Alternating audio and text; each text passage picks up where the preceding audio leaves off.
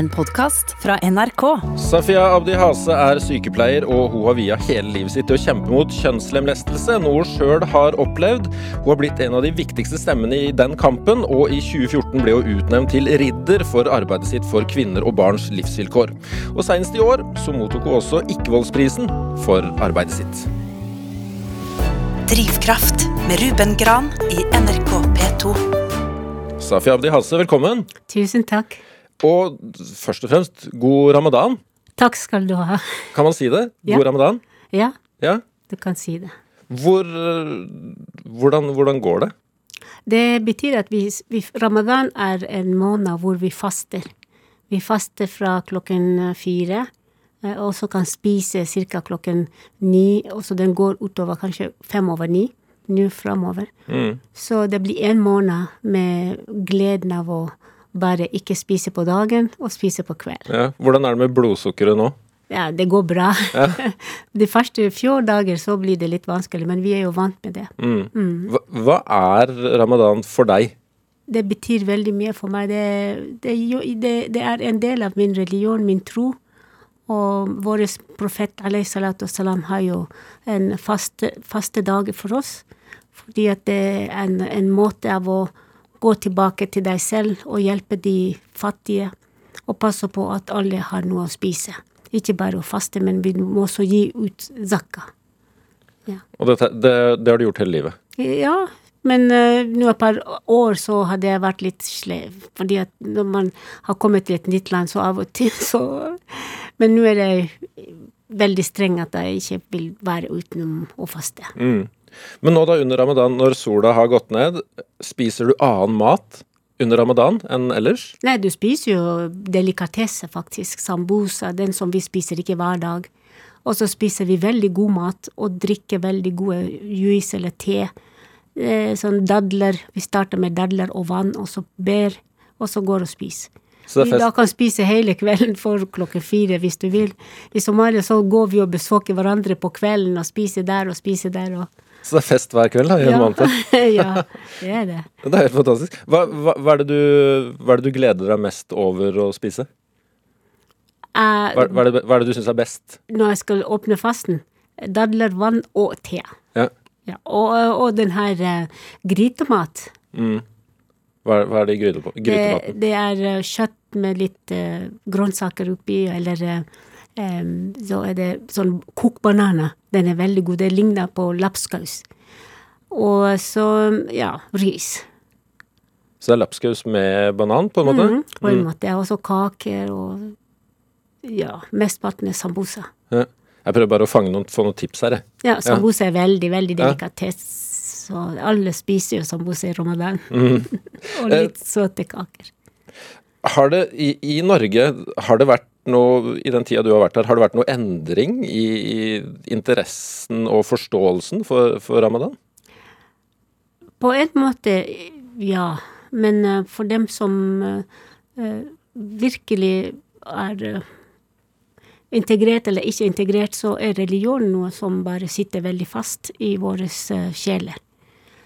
Så det kan hende det at noen er litt slov og ikke faster og sånt. Det har vi sett. Men i Somalia alle faster. Mm. Men, men for eh, hva skal jeg si, etniske nordmenn, for, skjønner folk hva det dreier seg om? Ja, fordi at islam har jo vært i Norge i mange år nå. Mange, mange år. Mm. Så pakistanere var jo de første som kom med islam i Norge. Vi kom jo etter. Så det er mange som vet hva er ramadan. Og ikke minst da jeg var så glad når eh, vi, jeg mener, I Oslo da blir det nevnt om den her hellige måneden må også passe på at vi ikke, eh, smitt, ikke tar vare på smitte. En um, faren for folk. Hvor viktig er troen din for deg? Ja, det er jo meg og min tro. Det er mellom meg og min Gud, men det er veldig viktig for at jeg, jeg er den som har vokst opp i den troen som min far og mor hadde lært meg. Men um, samtidig som jeg da gifter meg med en som har også vokst opp i kristendom, så jeg har respekt for andre religion, og jeg har vært i familie med kristendom.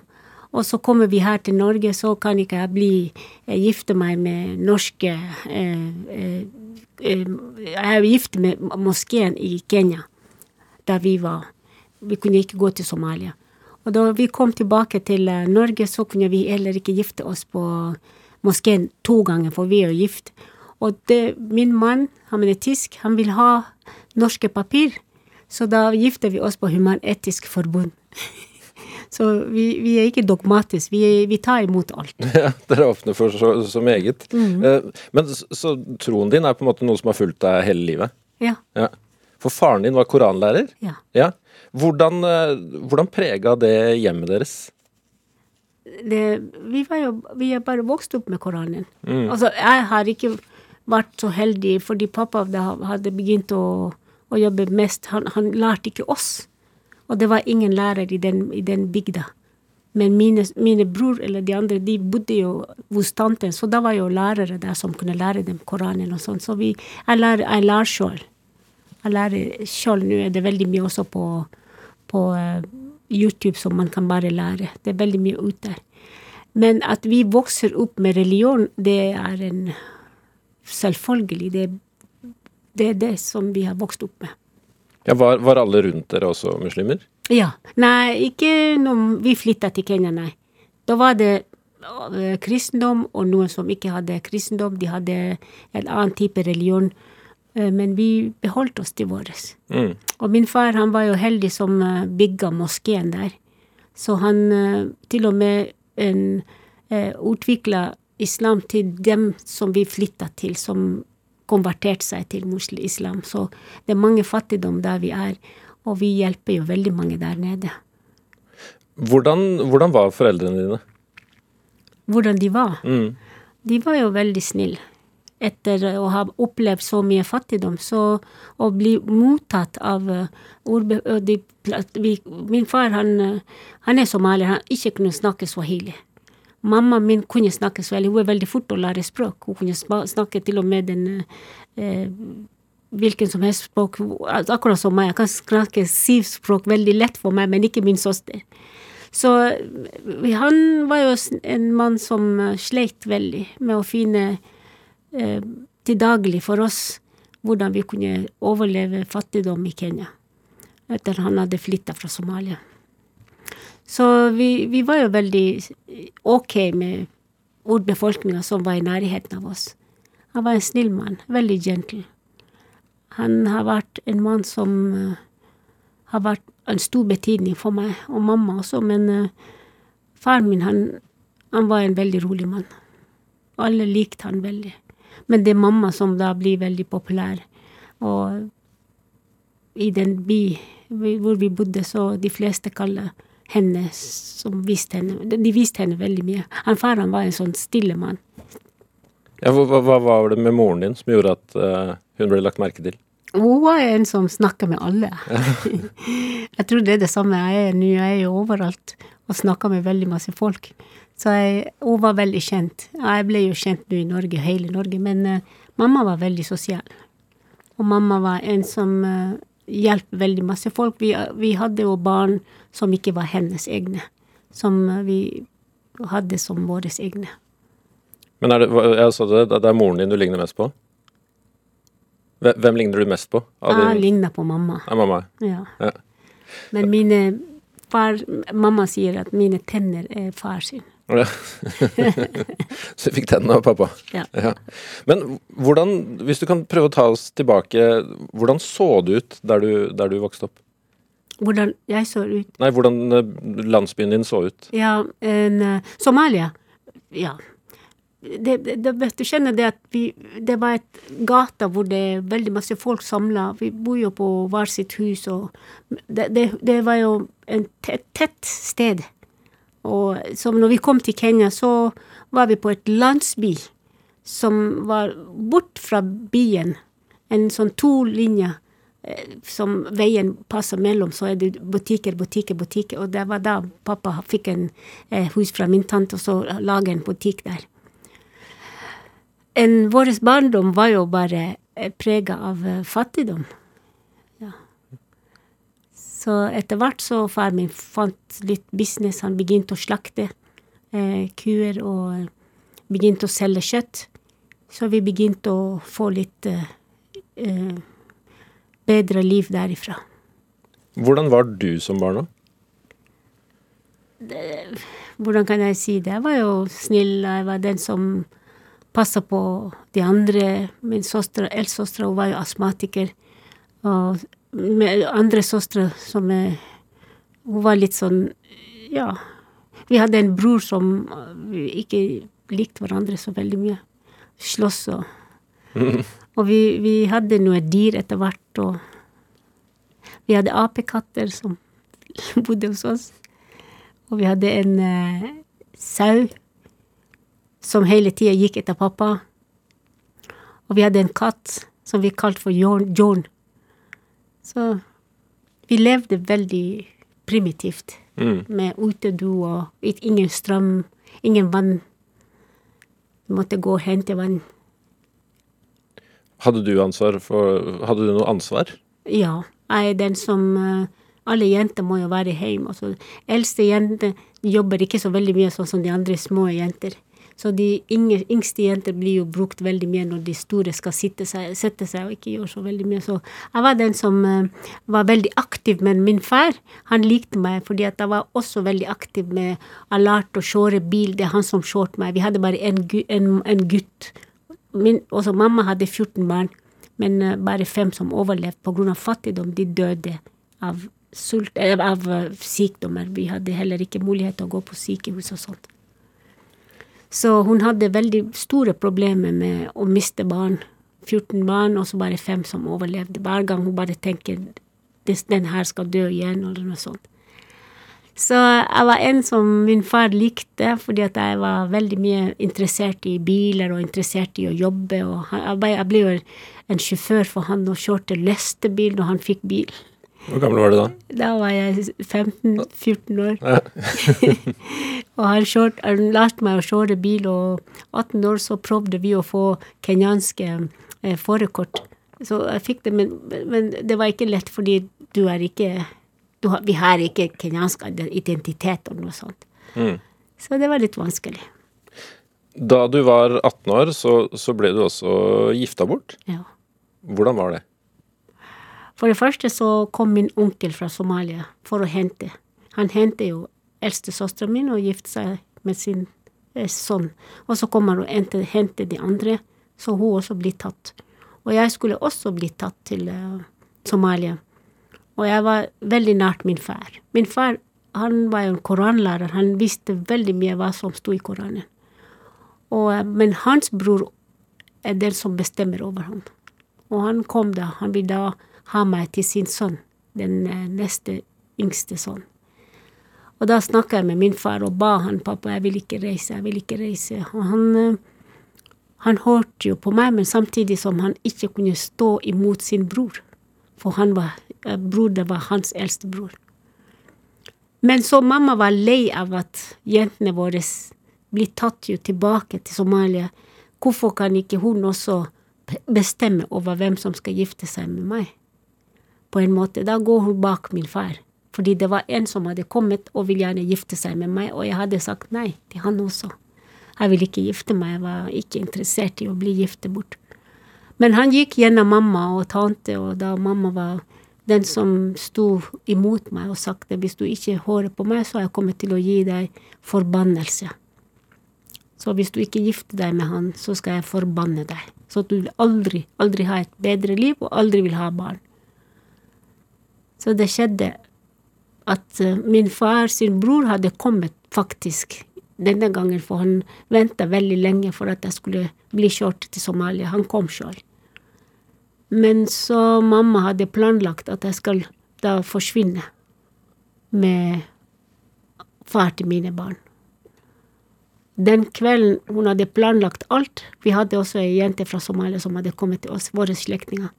Så hun og mamma hadde planlagt hvordan jeg skal bli tatt ut av huset og bli Det er tre måter å gifte seg på. For det ene er arrangert ekteskap, det andre er en uh, tvangsekteskapet, det andre er du bare forsvinner med mannen, og så sender du folk hjem for å ta og, uh, apologize, altså be for unnskyldning. Så den uh, kvelden jeg skulle gå bort jeg visste jo det at den kvelden nå skal du dra og ikke si det til noen. Så satt jeg på stua og så på min far. Jeg ville nesten si det til han, men jeg hadde allerede vært redd for at mamma skal forbanne meg. Og min far har vært en som egentlig hadde beskytta meg på masse forskjellige måter. Men så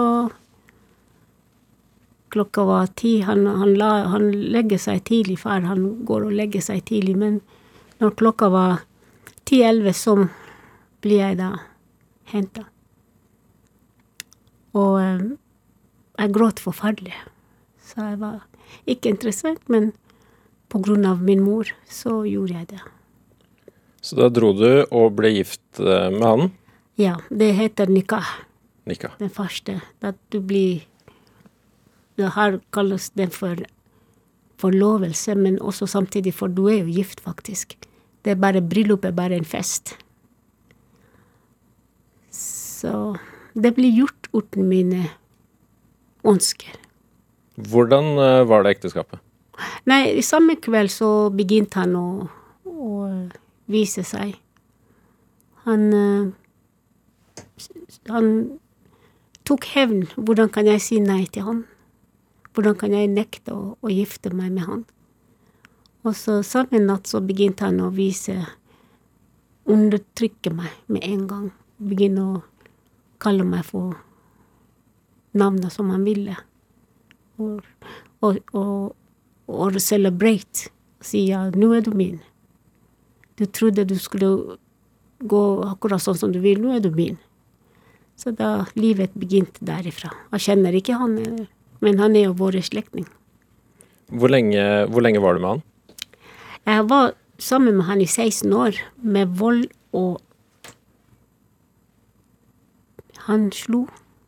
Han voldtatt. Han, han var ikke god. Nei. Hvordan eh, du rømte fra han?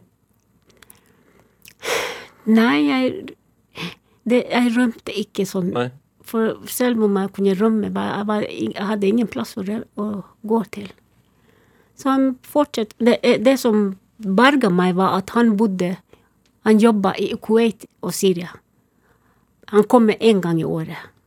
Og den gangen han kommer, så er jeg gravid. Når han reiser tilbake, så har jeg fått barn. Så sånn var det. Og når jeg fikk min tredje datter, så jeg var litt flink og ikke ble gravid igjen. Så sier jeg til han bare fordi at jeg hadde fått keisersnitt, så kanskje det er det som har gjort at jeg blir ikke gravid. For han hadde begynt å Og han likte ikke at jeg var bare med jenter. Han vil ha gutter. Det, det var ikke at jeg rømte fra han, men det er bare det at han slo og slo og slo. Den, den dagen han slo meg sist, det var da jeg bestemte meg om å, om å ta enda mer skritt i mitt liv. For da kom jeg til Han, han slo meg klokka var åtte om kvelden.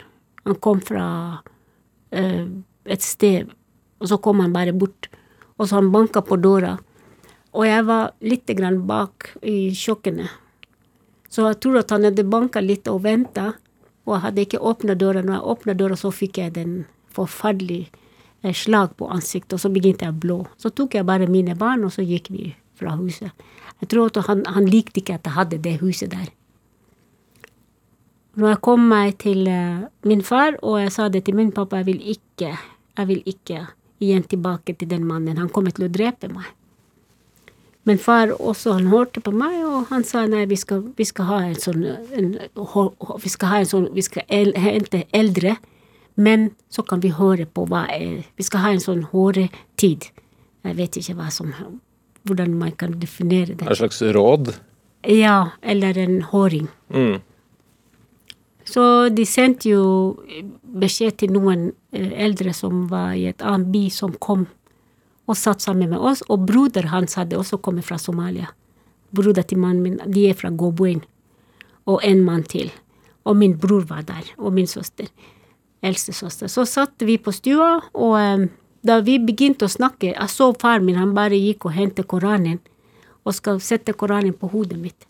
Og jeg sa nei, jeg vil ikke akseptere å gå tilbake til han, han kommer til å drepe meg. Pappa, jeg vil ikke ha den Koranen. Nei. Men så reiser min bror seg og sier, hvordan kan du si nei til å ta den Koranen. Og så han reiste seg, men jeg reiste meg også. Nå så jeg bare at dette klarer jeg ikke mer. Og så sa jeg han kommer til å drepe meg. Men hvis du dør, du er bare en oren hund som dør. Ei ayatai, hvis du dør. Ei det vil si du er en oren hund som dør. Og så kom han bort meg, sånn som vanlig, han ville slå meg, men denne gangen så slo jeg han. Jeg ga han et slag, og han datt der, og han besvimte av. Og da går jeg ut av huset, for da har jeg slått en mann, og da alle løper mot han, for han begynte å, å, å besvimte av, og de hentet vann til han, og så tenkte jeg nå må jeg finne vei ut av han. Og så tok jeg barna mine og gikk. Kvelden før hadde mamma min sagt til meg du, vi har ikke stor nok kasseroll til dine barn her, og deg. Du må gå tilbake til ditt hus. Det var så sårbar å høre at min mamma sier det, at jeg hadde ikke mat til deg. Så du må gå tilbake til dine heim. Og dagen etter så min bror skal reise seg og slå meg, og så sier han til meg at det var bare en urein hund som dør. Jeg hadde ingen verdier foran han og heller ikke til min mor. Så gikk jeg tilbake til mitt hus. Klokken sent på kvelden så hører jeg bilen. Da kom han tilbake med sin bror og den andre mannen som hadde kommet på besøk fra Somalia, to menn. Jeg åpna døra veldig fort, jeg ville ikke bli slått igjen. Og så gikk jeg og spurte om de skal ha mat. Nei, de hadde spist. Jeg tenker, er min bror død? Kanskje, kanskje, kanskje de kan si det. Nei. Etterpå så gikk jeg på soverommet for å legge meg, så kom han. Som vanlig. Så begynner han å og dro meg. Så jeg, jeg, ville ikke det. Jeg ville ikke ha han igjen etter at han hadde slått meg. Så tok han meg på nakken, og han kvelte meg. Jeg fant ut at jeg kom til å dø. Nå var jeg jo min siste. Men så jeg fikk bare krefter. Jeg snudde meg og satt på han, og jeg dro en lommelykt. Da jeg slo han så forferdelig, og han gråt som en unge. Og han kom etter meg, jeg gjorde det samme, jeg ga han en slag, og han datt også ned. Jeg visste ikke jeg var så sterk. Så jeg går ut av huset nå, hvor skal jeg? Jeg gikk til politistasjonen. I den kenyanske politi. Ja, disse, du bare, du lytter ikke på din mann, ja. Bare, du kan legge deg i, den, en av de cellene der. Du må være lydig til din mann. Du kjenner det at når kvinner blir slått, det er bare fordi de hører ikke på sin menn. Bare satt der, nå kan jeg ikke snakke. Og det var en skift på dagen, så fikk vi en annen politimann på dagen som kom. Og han syntes synd på meg, jeg fikk te og litt brød av mine tre døtre. Og så sa han du må gå til den kontor som heter Child Welfare. Fra der så begynte jeg min kamp. Og da tok jeg en, disse Child Welfare, de hjalp meg, de kasta han ut av huset. Så fikk jeg huset til meg selv, og da tok jeg da de pengene Jeg fikk, jeg fikk penger, faktisk, for maten. Før så var det han kasta bare ti kroner eller sånn på gulvet når jeg vil ha penger. Så når jeg fikk penger, så samla jeg litt, og så tok jeg eh, og finne ut hvor er uh, den islamiske court, altså rettssak. Og jeg fant det var en by lenge bort fra der vi bor, ca. tre timer med, med, sånn bil. Men da har jeg, tok jeg den uh, public min, så kom jeg til den byen, og så uh, anmeldte han. Og så sa de har du en vitner? Ja, sa jeg. Så han sa vi kommer til et nærmere by som heter Mumias. Der har vi et uh, rettssak, så, så, må du komme på den dagen der. Ja, så min far kom på besøk, og så sa jeg til han ja, en, den og den dagen så skal jeg til rettssak. Hvilken rettssak, sa jeg. Han, jeg har, jeg har anmeldt han. Ah, ja, sa jeg til far. Hvis dere vil, så kan dere komme. Men de kom. Og så saken var at uh, han uh, The judge spurte meg har du vitne, så sier jeg hvem er, hvem er din vitne? Yusuf Abdi Hilole, og det var min far. De fikk sjokk. Han måtte bare reise seg og si sannheten. Og det gjorde han. Så fikk jeg én talak. I islam, for å få skilsmisse, så det må være tre talak. Så jeg fikk én. Men det var det nok for meg å komme til Norge. Så jobba jeg for å komme ut av hele Afrika på grunn av det. Og du kom deg til Det var Harstad? Du, nei, nei. Jeg kom først til Oslo her i Fornebu, og så ble jeg tatt til uh. Og fra Ternum så ble jeg sendt til Lundeskogen, for jeg fant min søster var der. Og syv måneder var vi i Lundeskogen, og etterpå så ble jeg sendt til Harstad. Hvordan var uh, møtet med Harstad? Fantastisk. Det verste var Lundeskogen. Da var jo folk som ikke ville like det, oss som hadde mørk hud. Hvordan merka du det? En, uh, da vi kom, så er det blokka A, B, C, D og E. Afrikanere, alle afrikanere skal bo på blokk E. A, B, C, D var jo hvite folk. Vi trodde det var nordmenn. Bare for å finne ut det var Kosovo-albanere og bosniske flyktninger. Som ville ikke ha noe med oss å gjøre. Det eneste butikk ned den gata heter Rema 1000. Der står det en plakat. Africans, we don't want you here. This is your transport home. Og når du ser på transporten, det er ødelagt sykkel som sto der. Jeg gikk jo tilbake til Arne. Det var da jeg hadde fått min egen penger for å kjøpe mat i Norge. Og jeg gikk tilbake til han og så sier jeg, det står jo en plakat der at vi skal jo ikke, vi kan ikke gå inn der og handle mat. Nei, sier han. Du kan jo bare gå og handle mat. Safia, det er ikke farlig. Og så kom jeg dit. På vei dit så treffer jeg en gutt som viser meg fingeren. Altså, det var den der dårlige fingeren. Men han var ikke farlig, han var bare en, li, en liten gutt, sånn ung. Så ikke liten, men en elleve-åringer, 14-åringer. Så gikk jeg på butikken og handla, og så gikk jeg tilbake til Arne, så spurte jeg han hva er den fingeren, så sa jeg det var fornærmelse, så tenkte jeg nå har vi så mye felles. Det som kom til meg, var at vi også bruker det samme fingeren, men vår er verre enn bare det som nordmenn bruker. Vi er, vi er verre når vi skal fornærme hverandre. Men vi bruker det, finger, det samme finger.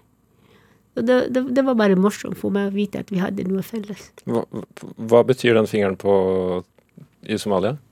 Det, nei, bare, vi bare viser fingeren, og, mm. og, ikke bare sånn. Ja, Dere viser alle, dere? Ja, vi bruker hele kroppen, og vi og danser for deg og bruker alle metoder bare for å fornærme deg. Nordmenn var jo bare en mildt finger som bare vises, og så sier det bare en liten ord. Ja. Vi sier verre enn det. Men hvordan, hvordan, fant du deg til rette i Hørstad etter hvert? Ja, Det som vi fant ut, var at selv om vi var barna skulle begynne på skolen i Lundeskogen, så fikk ikke dem fred. For det var veldig mye en, eh, De likte ikke mine barn. Og jeg gikk dit og fortalte dem hvem vi var, og inviterte dem til Boloka E. Da var det alt endret. I stedet for barna kommer og sier stygge ord til mine barn når de leker der. Vi fikk overnattingsgjester. Det var da jeg begynte å tenke jeg må gjøre det samme i Harstad. Men det samme jeg kom dit, så sa jeg til Randi Kleven jeg vil gå på skolen sjøl og fortelle om mine barn. Og fortelle hvorfor vi er her. Og tok med meg en skål av somalisk kake med meg til skolen for at barna kan smake og, få, og bli kjent med oss. Så det var, vi visste ikke om, om Nord-Norge. Og den beskrivelsen vi fikk, var at det var ingen sol der, det er mørkt, og det var ingen biler. Du blir frakta i en, en kurv av hunder, og på vei dit så kan du bli spist av en, en uh, dyr som går på fire og står i to. Nei, vi, vi var bare redd, men vi ble bosatt 14. desember. Det var kaldt. Ja, det var, mørkt. Men likte de kakene dine? Ja. ja. Og det er det, det, som uh, jeg fortsetter med Vi har aldri, aldri hatt noe fremmedfrykt i Harstad. Aldri.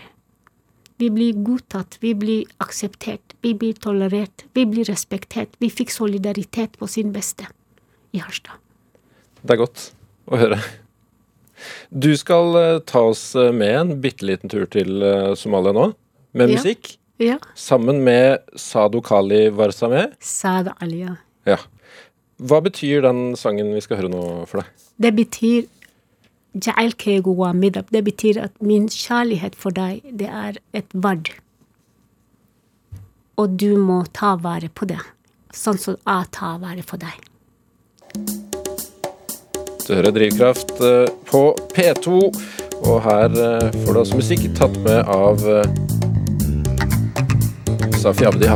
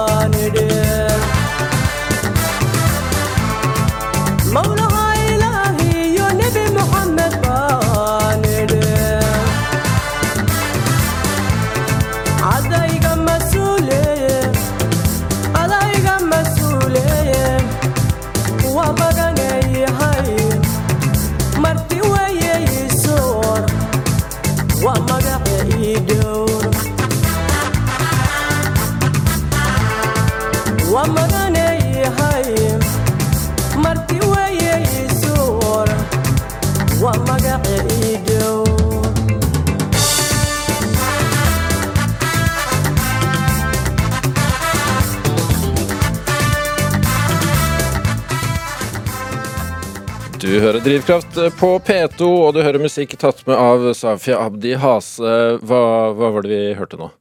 Det dere har hørt, er sangen som heter Ja'el Kegu Amidam, og det er fra Sada Ali. Mm, En av de beste musikere som vi har hatt, men eh, dessverre så har hun blitt drept i Somalia.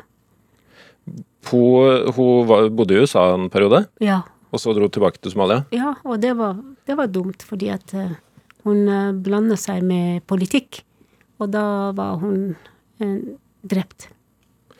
Det er altså Safi Abdi Hansen som er på besøk her i Drivkraft i dag. Eh, Somali-haldenser, Ja. kan man si det? Nei, Ashta, men også haldenser. Ja. og sykepleier og ridder, faktisk. Eh, og du kom til Harstad som 34-åring, men nå Hvor lenge har du bodd i Halden? En eh, 14 år, det er den 15. år nå. Hvordan havna du der? I Halden. Mm. Fantastisk. Det er en by som har eh, sine preg, men eh, samtidig som er det en by som vi har jobba veldig mye med, for å, å si det eh, jeg var veldig heldig som kom inn da en, en, en ordførerskift skulle skje. Og jeg hadde jo den første ordføreren som spurte meg faktisk hvorfor er somaliere interessert i å komme til Halden. Så sier jeg til han, hvorfor er ikke du glad i det? Nei, de er vanskelig å integrere, sa han til meg. Så sa jeg til henne, men jeg må komme på møte til deg, fordi at eh, jeg tror ikke det er somaliere som har problemer med å integrere seg, jeg tror det er, det er dere som har problemer, sa jeg. og han innkalte meg på et møte, og vi satt jo og snakka. Det var jo veldig, veldig viktig at eh, vi hadde den prata. Etter hvert så sa han til meg, eh, da vi hadde en, en, NRKs TV-aksjon, så innkalte han meg til eh, Nei, jeg skulle synge for eh, en sang med den her krig 'Hvorfor kom du sammen med han?' Ola Bremnes. Og eh, så kom han med et stort sjekk, og så sa han nei, dere er hjertelig velkommen til Halden. Etter fire år. Så, og så var jeg borti en, den andre ordfører som også var utrolig glad i å integrere folk. Og han var jo veldig interessert i å, å se at vi blir integrert i, i, i Halden. Så multikulturer var jo vei for meg å bruke, slik at alle kan bli kjent med byen. Multikultur er å gjenspeile mangfoldet vi har i Halden, eller i hvilken som helst by. Vi starta den i Harstad, og Ola Bremnes. Vi kaller den for Global bygdafest. Fra Kråkebarveien i, i Harstad helt til Tistedal i Halden, og den har spredt seg over land, landsdekkende, faktisk. Mange steder som man har spredd den. For det, det er en slags festival, ikke sant? Ja. Mm. Det er en dags markering hvor alle kan eh, komme sammen og være sammen og være stolt av deg selv blant de andre. Men i Halden så så jeg at det var behov, faktisk, med hjelp av kommunen, og de som sitter i kommunen i seg selv, at barna kunne oppleve multikulturer. Så den femteklassinga, alle femteklassinger i Halden og Ermark, nabokommune, måtte komme til eh, multikulturer, egen forestilling for dem. For det var det, det der å si at barna må vokse opp og kjenne en mangfoldige, og det var fantastisk. For det, det er dypere enn Harstad og de andre by. For da har vi en forestilling bare for barn. Hvorfor eh, bestemte du deg for å bli sykepleier da du kom til Norge? Ja. Eh, Det var det at eh, den første møtet med Norge sin um, helsevesen Jeg kunne snakke engelsk, og hun Jeg kaller henne min mor, Randi Kleven. Hun eh, ba meg om å tolke for folk. Hvem, hvem er Randi? Sånn Randi hun var flyktningkonsulent i Harstad. Ja. Men så var hun direktør på IMDi etter hvert. Vi faktisk starta introduksjonsprogrammet i Harstad før henne. For, for den kom å bli IMDi. Vi hadde gjort så mye i Harstad på grunn av henne. Og da jeg skulle tolke for en fådende kvinne etter hvert. Jeg tolker jo for henne noen ganger med engelsk. Så sa hun vi har et problem på sykehuset, Safia, du snakker engelsk, kan du hjelpe oss? Og så sa jeg ja. Da kom jeg på fd og, og skulle tolke for en kvinne som blir giftes via telefon, og fikk familiegjenforening i, i Harstad. Til en mann som har bodd i Harstad noen par år. Og pappaen hennes bare sendte henne av gårde. Det var ikke vanskelig å få familiegjenforening. 1993. Så kom hun i april. Hun hadde vært i Norge ni måneder. Hun kom før meg. Hun var, var i ni måneder i Norge, og jeg treffer henne i 1993. Ni måneder gravid og skulle få det barn. Hun har hatt kontakt med helsesøster, med en, um, hennes eh, lege, for hun var litt syk og kastet opp. Og så hadde hun kontakt med jordmor som skulle hjelpe henne å få det. Men ingen av de som hadde kartlagt hennes situasjon, hva var hennes problem. Så hun havna på fødeavdeling med en infobilert kropp. Det vil si den store, omfattende type kjønnslemlestelse. Det stanser ikke man fra å bli gravid. Du har en bitte lite åpning. Man blir jo gravid for det. Men at eh, det blir ikke en ordentlig sånn eh, samleie som, som vi snakker om. Men uh, hun ble jo gravid, og da var det panikk på sykehus, og jordmor skulle palpere for å kjenne hvor langt hun har kommet i fødsel, og treffer en syk kropp, og panikk og panikk, og babyen vil bli født, og han kommer jo. Og så måtte han stå der en stund, til de fant en gynekologisk lege som visste hva som kunne gjøres, og så klipper hun, og babyen ble født, han puster ikke. Det fikk masse en, eh, til å få hjertet igjen til å banke, kompresser og alt det der. Så tok de med et fly til Tromsø. Han blir berga, men han, han da en ble skada. Forferdelig. Han fikk en hjerneskade. Forferdelig. Så det var da jeg begynte å spørre om å ta utdanning. Jeg fikk jo språkkurs, jeg fikk, jeg fikk jo to år, og så ba jeg om å ta videregående skole, og så blir det oppretta en eh, videregående skole for voksen. Det var ikke der før. Men jeg fikk klar beskjed om å hente elever sjøl. Så det må være 14 elever i klassen. Da fikk jeg ti. Og mesteparten var de som kommer på multikulturer fra Thailand og Filippinene. Og det var artig. Vi fikk jo en klasse. 14 etter hvert. Så klassen, to år etter så sto jeg igjen, jeg vil ha videregående skole. Så fikk jeg nei, men da var jeg Ola Bremnes som fortalte meg, og han eh, Kåre Levanger som fortalte meg om eh, Du spiller jo tromme og synger, kan ikke du bare komme på musikk? Eh, musikklinja i Heggen videregående skole. Så fikk jeg en Kåre og mine naboer som eh, hjalp meg faktisk å komme dit. Og, og så meg inn. Og så fikk jeg et år. Andre år så begynte min datter på samme skole, og hun ville ikke at jeg skal gå på skole. Så det var en krangling der, og så fikk jeg vite kveldsundervisning, så slo jeg sammen de siste to år til ett. Det var det verste året i mitt liv. Ja. Så, så tok jeg sykepleier. Egentlig så har jeg vært en sykepleier uten utdanning sjøl. Fordi at jeg var en som pleide alle gamle folk eller folk som var syke. Jeg var, jeg var en som brydde meg om alle i vårt hus. Så sykepleier for meg var jo min drøm, på en måte. Gjennom det så er det jo mye nettopp det med kjønnslemlestelse du har jobba mye for eller mot. Ja. Hvorfor, hvorfor det? Fra den dagen når jeg var på sykehus, så ble jeg innkalt igjen og kom og fortelle om kjønnslemlestelse. Det var første gang jeg åpnet munnen. Fordi at hun, jordmor hadde panikk, hun løper. Så sier jeg til henne det her er min kultur, har du ikke du hørt om den? Så sier jeg til meg at hun trodde at vi var fått slik. Den klikka på mitt hode. Så tenkte jeg hun trodde vi var fått slik. Er det fordi at jeg er mørkhud, så tenker hun at vi har et annerledes kropp, annerledes kjønnsorgan? Er det det hun tenker? Det var det som gjorde oss Fra den, når jeg begynte å studere, så begynte jeg å fortelle om kjønnslemlestelse. Og da fortalte jeg mitt egen opplevelse, for jeg hadde ingen kunnskap om, om kjønnslemlestelse. Etter hvert så, når jeg går til skolen, så begynte jeg å lære sjøl om kjønnslemlestelse, og, og begynte å finne ut hva dette her var i, i, virkeligheten.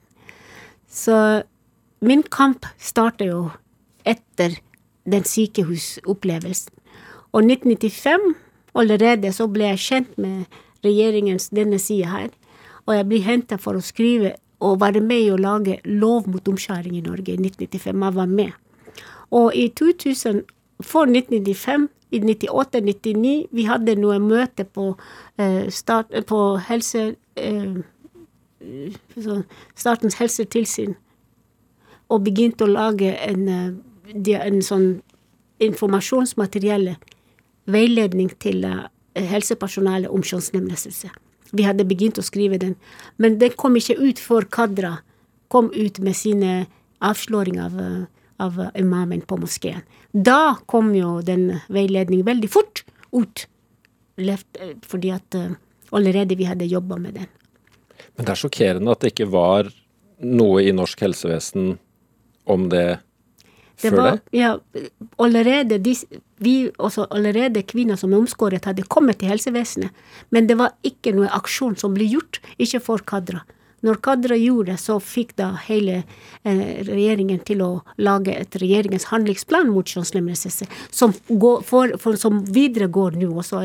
Vi er veldig glad for det, at jeg ba jo om at det skal være en prosess, ikke bare en prosjekt. For den her kommer ikke til å bli én, to, tre og bli borte. Vi må bare fortsette å bekjempe kjønnslemlestelse. Og i den sammenhengen så så jeg igjen til hva er vold mot kvinner. Og da så jeg helheten av vold, som er definasjon på fire.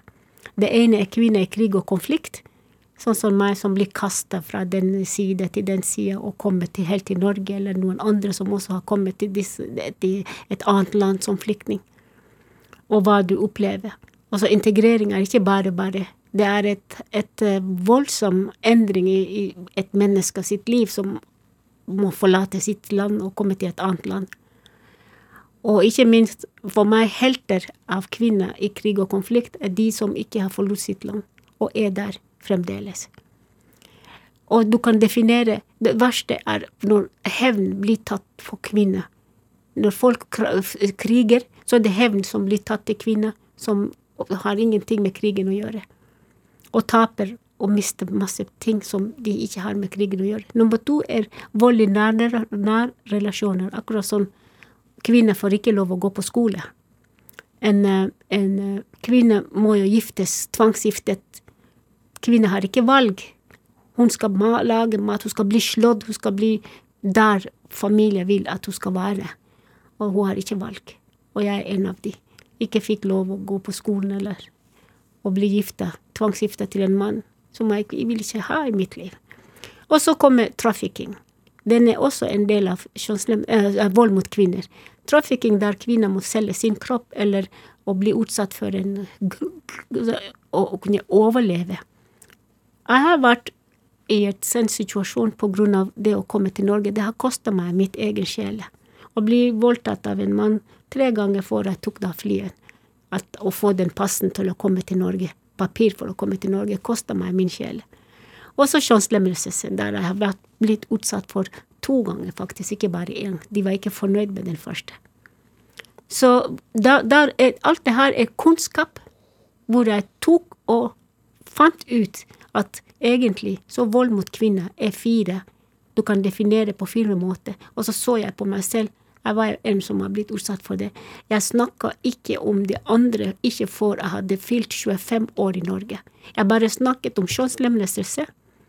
I mange år. For 25 år i Norge så hadde jeg fortalt den siste. Hva jeg er blitt utsatt for. Så Ja. det tok mange år. Det gjorde det. det. Du var ni år da du sjøl ble utsatt for, for Den det. første gang, ja. Eh, Jeg vet ikke helt hvordan jeg skal spørre engang. Hvordan, hvordan var det?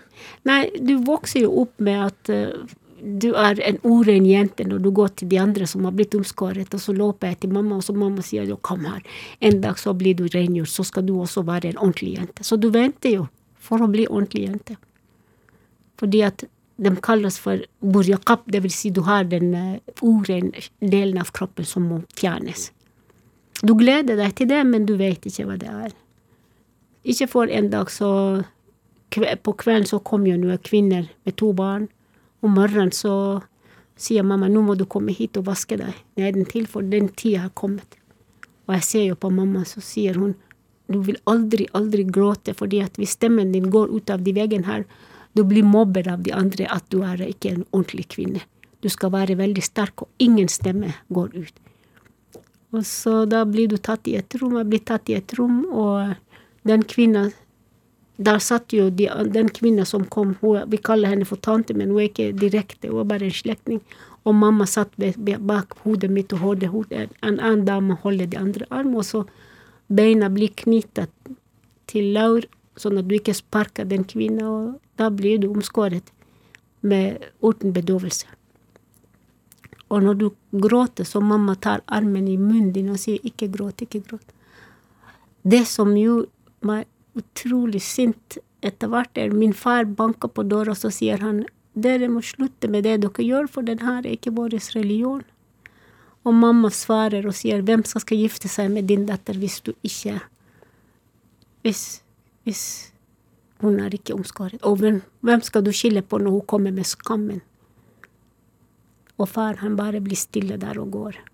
Og så sa, sa hun 'gå vekk'. Gå vekk herifra. Han banka på to ganger. Han visste hva som stod i Koranen, men det var ingen som hørte han.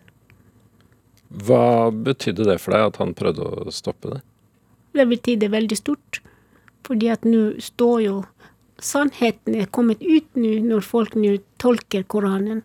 Når folk tolker islam, så omskjæring av jenter står ikke i Koranen i det hele tatt. Så når jeg kom hit, jeg også oppdaga at det var masaier, det var kristendom også som har blitt omskåret.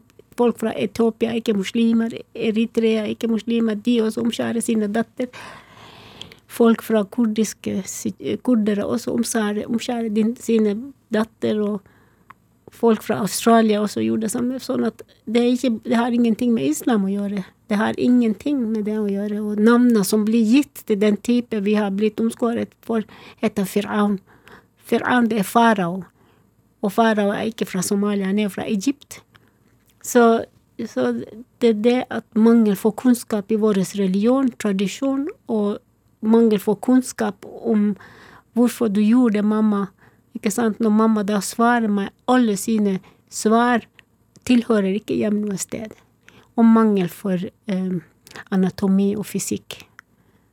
Mangel for kunnskap i tre områder. Tradisjon, religion og anatomi og fysikk. Hvordan vi, kroppen vår er bygd. Det er bare mangel for kunnskap i de tre områdene. Men er den Begynner den kunnskapen å spre seg i, i Somalia også? Ja, jeg har jo jeg er veldig heldig som fikk Norske Sykepleierforbund til å akseptere prosjektet min med han Michael Weitholz, som var da leder for eh, utviklings, eh, utviklingsprosjekter for NSF. Så vi var i Somalia. Vi var der fra 2006 og bygga et senter som heter Mother and Child Education Care Center, som fortsetter. Så vi, vi berger jo veldig mange barn på eh, den nye generasjonen som har kommet. Fra 2006 så er de studenter på høyskolen, flere av dem har, har begynt å jobbe i Somalia og har blitt fedrene eller mødrene.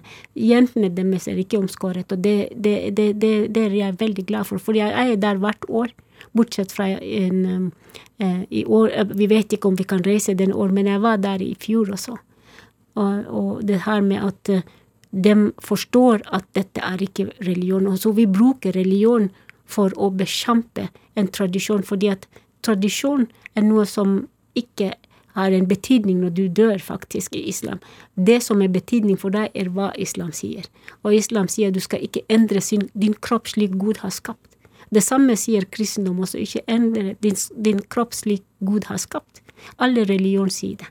Så det er mangel for kunnskap, sånn at eh, vi, vi bekjemper jo veldig mye, men samtidig som det er veldig mange jenter som dør i Somalia pga. kjønnslemlestelse.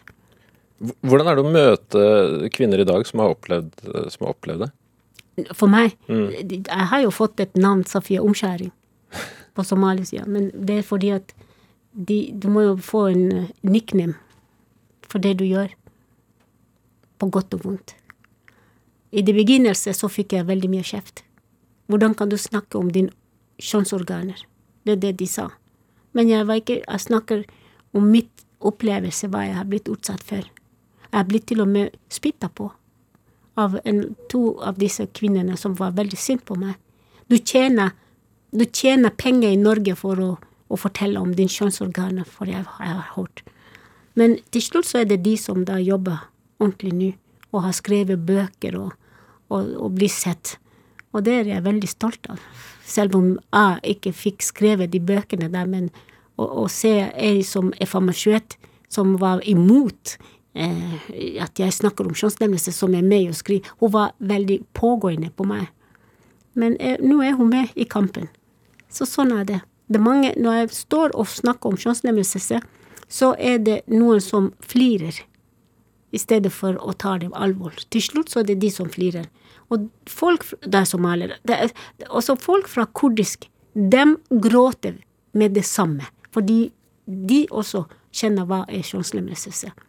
Så jeg har vært veldig heldig at jeg fikk reist over hele landet og jobbe for Stiftelse Amathea var et fantastisk arena for meg, fordi at jeg fikk jo muligheter til å kunne bestemme hvordan jeg skal jobbe, jeg skal, hvor jeg skal gå, og jeg hadde allerede de, eh, hatt veldig store foredrag hvor de fleste som kommer landsdekkende syke, en helsesøstre, landsdekkende jordmødrene, landsdekkende fylkeshelsepersonale eh, som kjente om meg, og så går jeg på alle flyktningkontor, samtidig som jeg etablert kontakt med, med våre kontorer, i 14 kontorer i Stiftelse Amathea sin kontor, som er landsdekkende. Så, sånn at prosjektene går jo sine gang. Selv om nå er jeg veldig sliten og ikke kan jobbe, så er jobben fortsatt ut der. Du nærmer deg, du nærmer deg pensjonsalder, Ja. er det riktig å si? Ja. Hva, hva gleder du deg til å, til å gjøre da?